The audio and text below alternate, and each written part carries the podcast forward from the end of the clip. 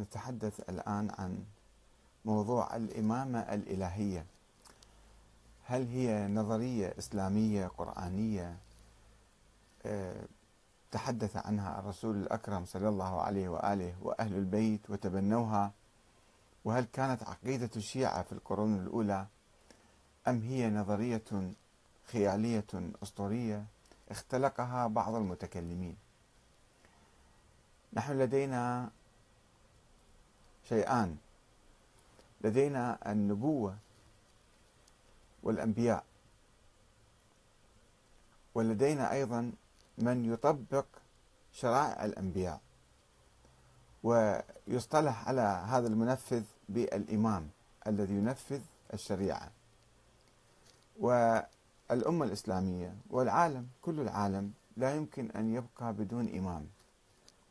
لابد كما يقول الإمام أمير المؤمنين عليه السلام لابد للناس من أمير بر أو فاجر. وليس للمسلمين. شوف الآن الدنيا كلها فيها حكام فيها زعماء فيها ملوك فيها رؤساء. الأمة الإسلامية أيضا تحتاج إلى رؤساء وإلى حكام وإلى خلفاء يطبقون الدين. وهؤلاء الحكام يمكن يكونوا عدول ويمكن يكونوا ظلمة طواغيت فجرة فاجرين. والملوك العدول أو الرؤساء العدول أو الحكام العدول هؤلاء إما ينتخبهم الناس عبر الشورى. هذه هي النظرية المعقولة. أو نقول لا أن الحكام أيضا مثل الأنبياء كما أن الله سبحانه وتعالى عين لنا أنبياء وأرسل لنا أنبياء فيجب أن يرسل لنا أئمة إلى يوم القيامة واحد بعد واحد في كل زمان وفي كل مكان. هذا القول يعني قول عجيب غريب أنه كيف الله يمكن يبعث لنا حكام إلى آخر الزمن هل يمكن؟ هو بعث الأنبياء وختمهم بالنبي محمد صلوات الله وسلامه عليه وقال محمد خاتم النبيين وخلص بعد ما في وحي يجي بعده. فهؤلاء الأئمة الذين يقال أنهم يجب أن يعينهم هؤلاء عندهم رابطة مع الله يعني معينين من قبل الله وعندهم علم من الله ويتلقون أوامر من الله وتنزل عليهم الملائكة وتنزل عليهم ينزل عليهم جبرائيل وهم عندهم مثل الأنبياء يعني. هكذا تقول النظرية الإمامية أن الأئمة هم مثل الأنبياء. ويقولون أيضا لا يوحى لهم وبعضهم يقول لا يوحى لهم. عندهم علم, علم لدني والملائكة تنزل عليهم. فهذا كلام هل هو كلام قرآني نبوي من أهل البيت أم كلام ما له أساس وما له صحة؟ وكلام مجرد خيالي وأسطوري. فكلامنا حول الحكم والحكام بعد النبي اللي يسموهم أئمة. الأئمة يعني الحكام. الحكام هؤلاء آه، بشريين يعني عاديين أم هم مثل الأنبياء معينين من قبل الله تعالى؟ ولهم صلاحيات مثل صلاحيات الأنبياء. وإذا عندهم نواب ووكلاء وكذا أيضا عندهم صلاحيات مثل صلاحيات النبي. الإمامة الإلهية نظرية خيالية لم يتحدث عنها القرآن الكريم ولا النبي الأكرم ولا أهل البيت. وإنما قامت على أساطير. خلينا نشوف شلون قامت هاي النظرية؟ إن نظرية الإمامة الإلهية القائمة على العصمة والنص والوراثة في السلالة العلوية الحسينية المعروفة النظرية الإمامية والنظرية وقسم من الشيعة عرفوا بالإمامية. لأنهم كانوا يقولون بهذه النظرية فسموهم إمامية. وإلا ماذا يختلفون عن بقية الشيعة الزيدية مثلا أو بقية المسلمين؟ الذين لم يكونوا يعتقدون بأن الإمامة من الله بل كانوا بعضهم يعتقد أن الحق بالخلافة في عترة النبي كالعباسيين أو في آل علي وفاطمة كالزيدية أو الفاطمية أو ما إلى ذلك. هذه النظرية خيالية. اخترعها عدد من المتكلمين والغلاة الشيعة في الكوفة في القرن الثاني الهجري. ولكنهم واجهوا صعوبة بالغة في تسويقها بين الشيعة. وذلك لأنهم آه، واجهوا آه، مشكلة صعبة تتمثل في وصل حبل الإمامة الذي انقطع باعتزال علي زين العابدين. عن السياسة يقولون الأئمة من الإمام علي وجابوا بعض النصوص على الإمام علي واستفادوا منها أن هذه نص عليه. طيب ما بعد الإمام علي؟ الحسن والحسين. لا يوجد نص من الإمام علي عليهم. والإمام الحسن الناس بايعوه وهو تنازل عن الخلافة إلى معاوية. ثم الناس بايعوا الحسين وقتل بعد ذلك. طيب ما بعد الحسين؟ كيف تتسلسل الإمامة؟ إذا كانت هاي النظرية صحيحة ومن الله تعالى فيجب أن تتسلسل بنص صريح مثل القرآن يعني. وصي أو وصايا آه، واضحة وصريحة بالإمامة. هل نجد ذلك في علي بن الحسين في زين العابدين؟ أول حلقة اللي يمكن إحنا يعني نبني عليها ونمشي وراها أنه طيب بعد زين العابدين محمد الباقر جعفر الصادق موسى الكاظم هذه النظرية الإمامية اللي استمرت وبعدين صارت 12 ما كانت في البداية 12 الإمام زين العابدين اعتزل عن السياسة بعد واقعة كربلاء. ورفض حتى أن يقود الشيعة. فتصدى للقيادة عمه محمد بن الحنفيه ابن الامام علي. ثم أعطى الإمامة إلى ابنه أبي هاشم عبد الله. فعدم وجود نص واضح وصريح ومعروف من الإمام الحسين لابنه علي بالإمامة. أصلا ما موجود هكذا نص. فقد قتل الحسين في كربلاء دون أن يوصي إليه حسب ما يقول الباكر والصادق في كتاب الكافي أنه الإمام الحسين لم يوصي إلى علي بن الحسين لأنه بهذه بهذا السبب لأنه كان مبطونا لا يرون إلا أنه لما به كان يموت بعد شوية. في كتاب الكافي كتاب الحجة باب الإشارة والنص على علي بن الحسين حديث رقم واحد واثنين في عن الباقر والصادق حديثين أنه ما وصل الإمام الحسين إلى علي بن الحسين. لهذا السبب. طيب كيف إذا الإمامية اعتقدوا بإمامة علي بن الحسين وبنوا عليها بقية السلسلة؟ يقولون عندما نفتقد الوصية أو النص الصريح نذهب إلى المعاجز. المعجزة هي التي تثبت إمامة أي إمام لأنه إمام من الله فيجب أن يجيب معجزة من الله تعالى حتى يصبح إماما. إماما معينا من قبل الله.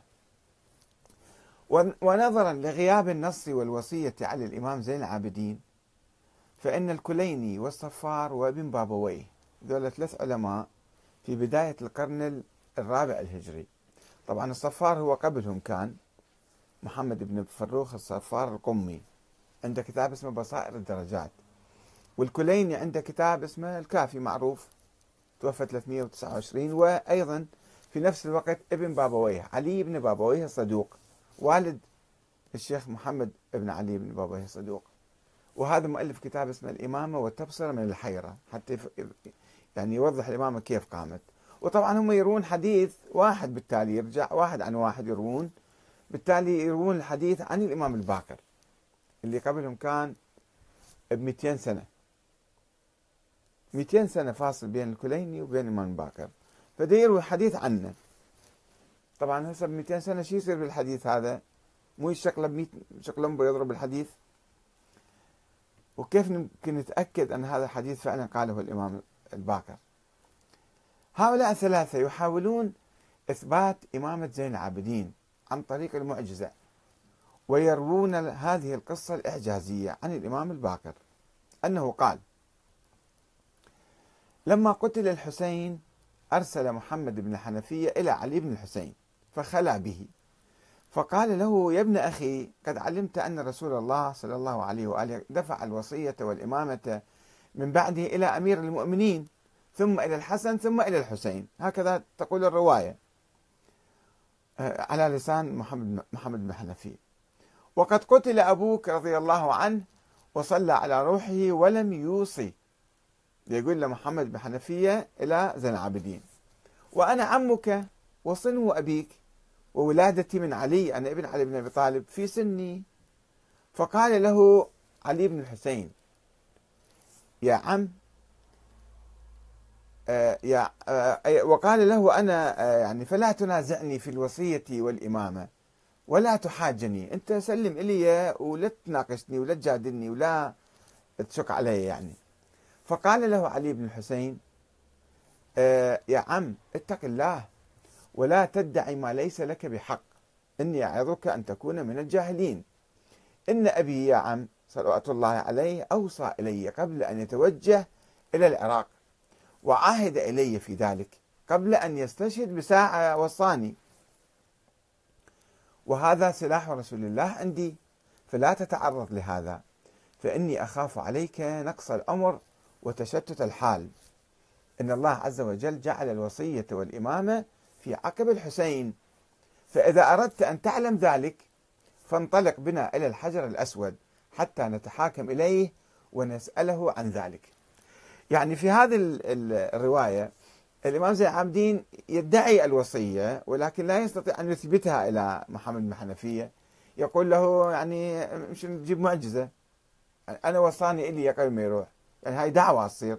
دعوة ما هو الدليل عليها لا يوجد دليل عليها. إذا ومحمد بن حنفية ينكر هذا الشيء. وعامة الناس قد ينكرون أيضا لأنه ما هو الدليل. طبعا هاي كلها رواية مختلقة على لسان يعني فيلم مسوين سيناريو على لسان محمد بن حنفية وزين العابدين. أصلا كل القصة لم تحدث. ولكن اللي مسويها يحاول يعني يرتبها يرتب في الفكرة والنظرية على ضوء ذلك على شكل حوار بين طرفين وبعدين صارت معجزة. فقال آه له علي بن الحسين يعني آه قال له امشي نروح للحجر الأسود حتى آه نتحاكم إليه. شايفين الناس يتحاكمون إلى حجر. قال أبو جعفر الباكر وكان الكلام بينهما بمكة. فانطلقا حتى أتيا الحجر الأسود. فقال علي بن الحسين لمحمد بن حنفيه ابدأ أنت فابتهل إلى الله عز وجل وسله أن ينطق أن ينطق لك الحجر ثم سل ادعو واحكي وياه.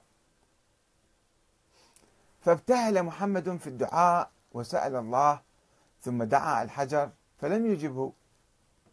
فقال علي بن الحسين يا عم لو كنت وصيا وإماما لأجابك.